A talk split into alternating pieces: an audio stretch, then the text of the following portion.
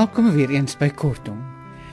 Vanaand gaan ons luister na 'n verhaal van Jean Gosen wat sy noem Lemoene en Marlies Koffer gaan dit vir ons lees. Dit kom uit 'n bundel van Jean Gosen wat sy noem Plante kan praat. En dit het by Kwela boeke verskyn. Lekker luister.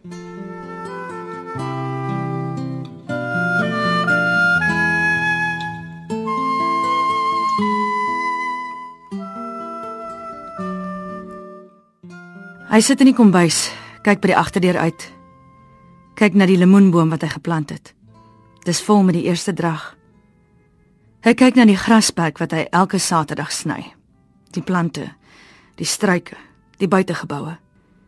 Hy buig vooroor op sy stoel. sien die posbus voor by die hek. Hy kyk na alles wat hulle opgebou het. Die kombuis reik na hoender. Sy staan voor die stoof met 'n vark oor haar skouer prik met 'n lang vurk in die kastrol. Die kerk in Stasiestraat se klok lui. Dit moet die eerste gelei wees. Die klok praat met 'n plattelandse stem. Sy vrou haar aan prik met die vurk. Sy staan met haar rug na hom, maar hy weet hoe sy nou lyk. Hy ken die uitdrukking op haar gesig. 'n Frons tussen haar oë, lippe op 'n lyn getrek. My ma het my gewaarsku begin sy. Maar nee, ek wou nie luister nie. Sy sê ek het jou lief gehad. Ek wil jou graagter as enige iemand of iets op hierdie aarde hê. Hy maak die vol bottle 3 ships oop, gooi daarvan skoon 'n waterglas.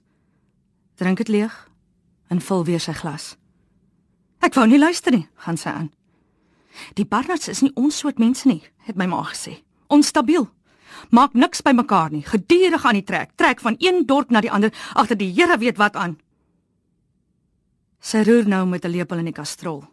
Skakel die plaat op laag. Sy skep van die sous in 'n piering, proe. Sy strek. Kry die soutpot op die rak skynspook aan die stoof. Strooi sout oor die hoender. Daar's 'n rooi tulp op die soutpot. Peper. Sy kry peper. Strooi daarvan oor die hoender. Die peperpot pas by die soutpot. Albei met 'n rooi tulp op. Hulle het die stel een Saterdagoggend gekoop, pas nadat hulle ingetrek het. 'n Pick and Pay special. Sy daarvan gehou. Dit pas by die gordyne het sy gesê. Dit sal die kombuis verder opvrolik. Dan sal dit rooi tulpe wees, het hy gesê. Die stel geneem en het in die trolly gesit. Lief vir jou, het sy gesê en hom op sy wang gesoen. Hy kyk by die agterdeur uit kyk na die jong lemoenboom. Wanneer hy sy een oog toemaak, verdwyn die boom. Dis net met albei oë oop dat die boom en die vrugte insig is. Hy het die boom in Junie geplant, pas nadat hulle hier ingetrek het. Hy het 'n sirkel in die grasperk afgemeet en begin grawe. Jy bederf nou die grasperk, het sy hom betug, maar hom nie probeer keer nie. Hy wou die boom reg voor die agterdeur hê sodat 'n mens dit van alle kante af kan sien, soos wanneer jy by die garage inry en ook wanneer jy by die voorste hekkie inkom. Hy het die hele oggend aan die gat gewerk, die arm grond uitgespit en dit met nuwe ryk grond vervang. Hy het die kompos met ammoniumsulfaat gemeng. Dis teen krulblaar, het hy verduidelik. Sy het gelag in die huis verdwyn en met die Polaroid teruggekom en 'n foto van hom geneem by die jong boontjie. Van wanneer af weet jy so baie van lemoenbome af? het sy tergend gevra. Alles, het hy geantwoord en die graaf neergesit. Ek weet alles van lemoenbome af. Hierdie een is 'n navel. Die vrug is soet en pitloos en die boom is taamlik bestand teen swamme. Nog iets? Dit moet 2 maal per week water kry, maar nie sommer op enige 2 dae nie. Vasgestelde tye.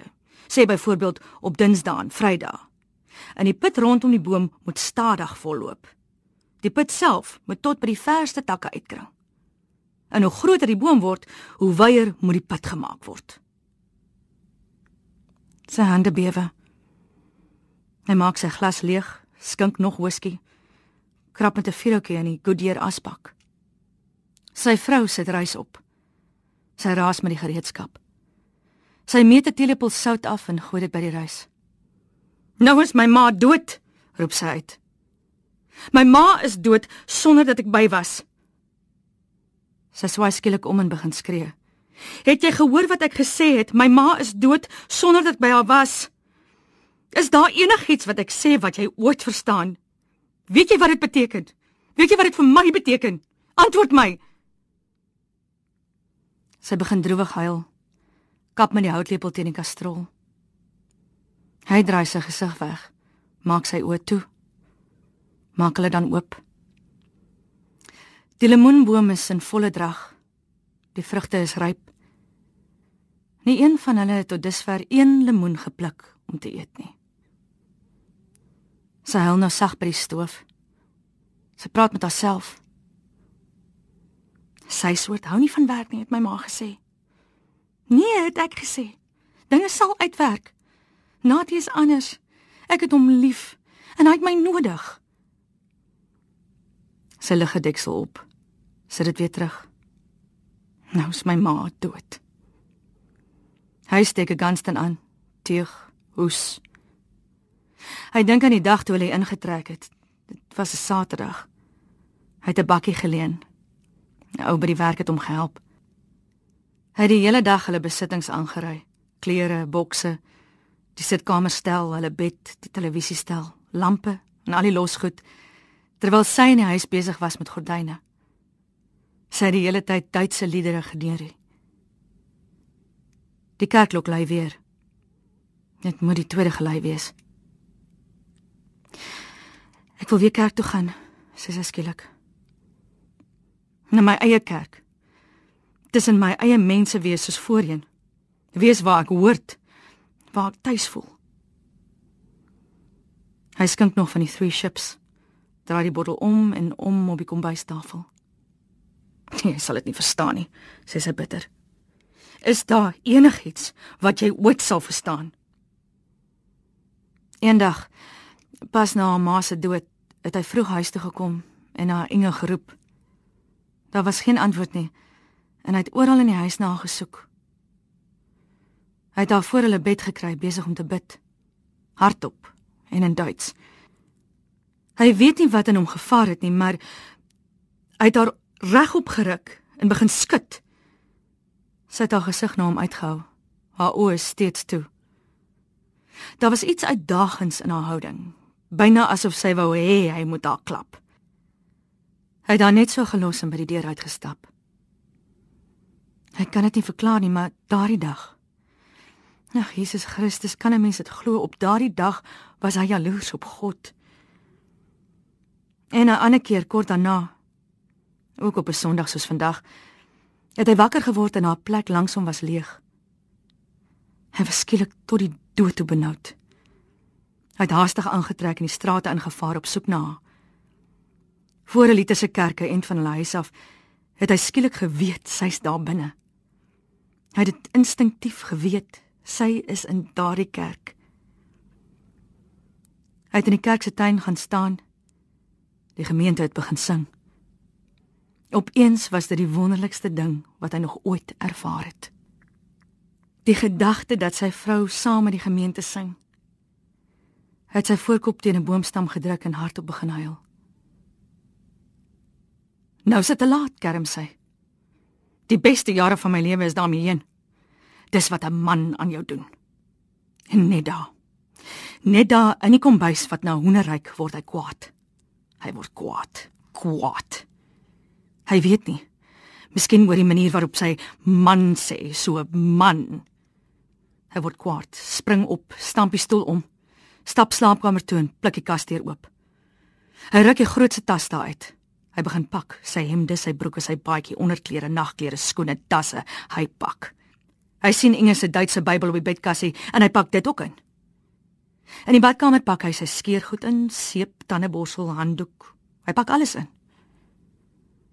Hy stap in die swart tas deur die kombuis by die agterdeur uit. Hy stop voor die lemoenboom. Hy sit die tas neer, knip die deksel oop. Hy begin die lemoene pluk. Hy doen dit tydsaam. Hy sit hulle een vir een in die tas. Hy pluk totdat daar nie meer een lemoen oor is nie. Hy maak die tas se deksel toe. By die voorste hek sit hy die tas neer. Hy maak die hek oop, stoot die tas deur en maak die hek weer agter hom toe. Nati Barnard vat die pad. Hy stap hinkepinke met die swart tas. Sonder om eenmal om te kyk, stap hy af met die straat wat na gebraaide hoender ruik.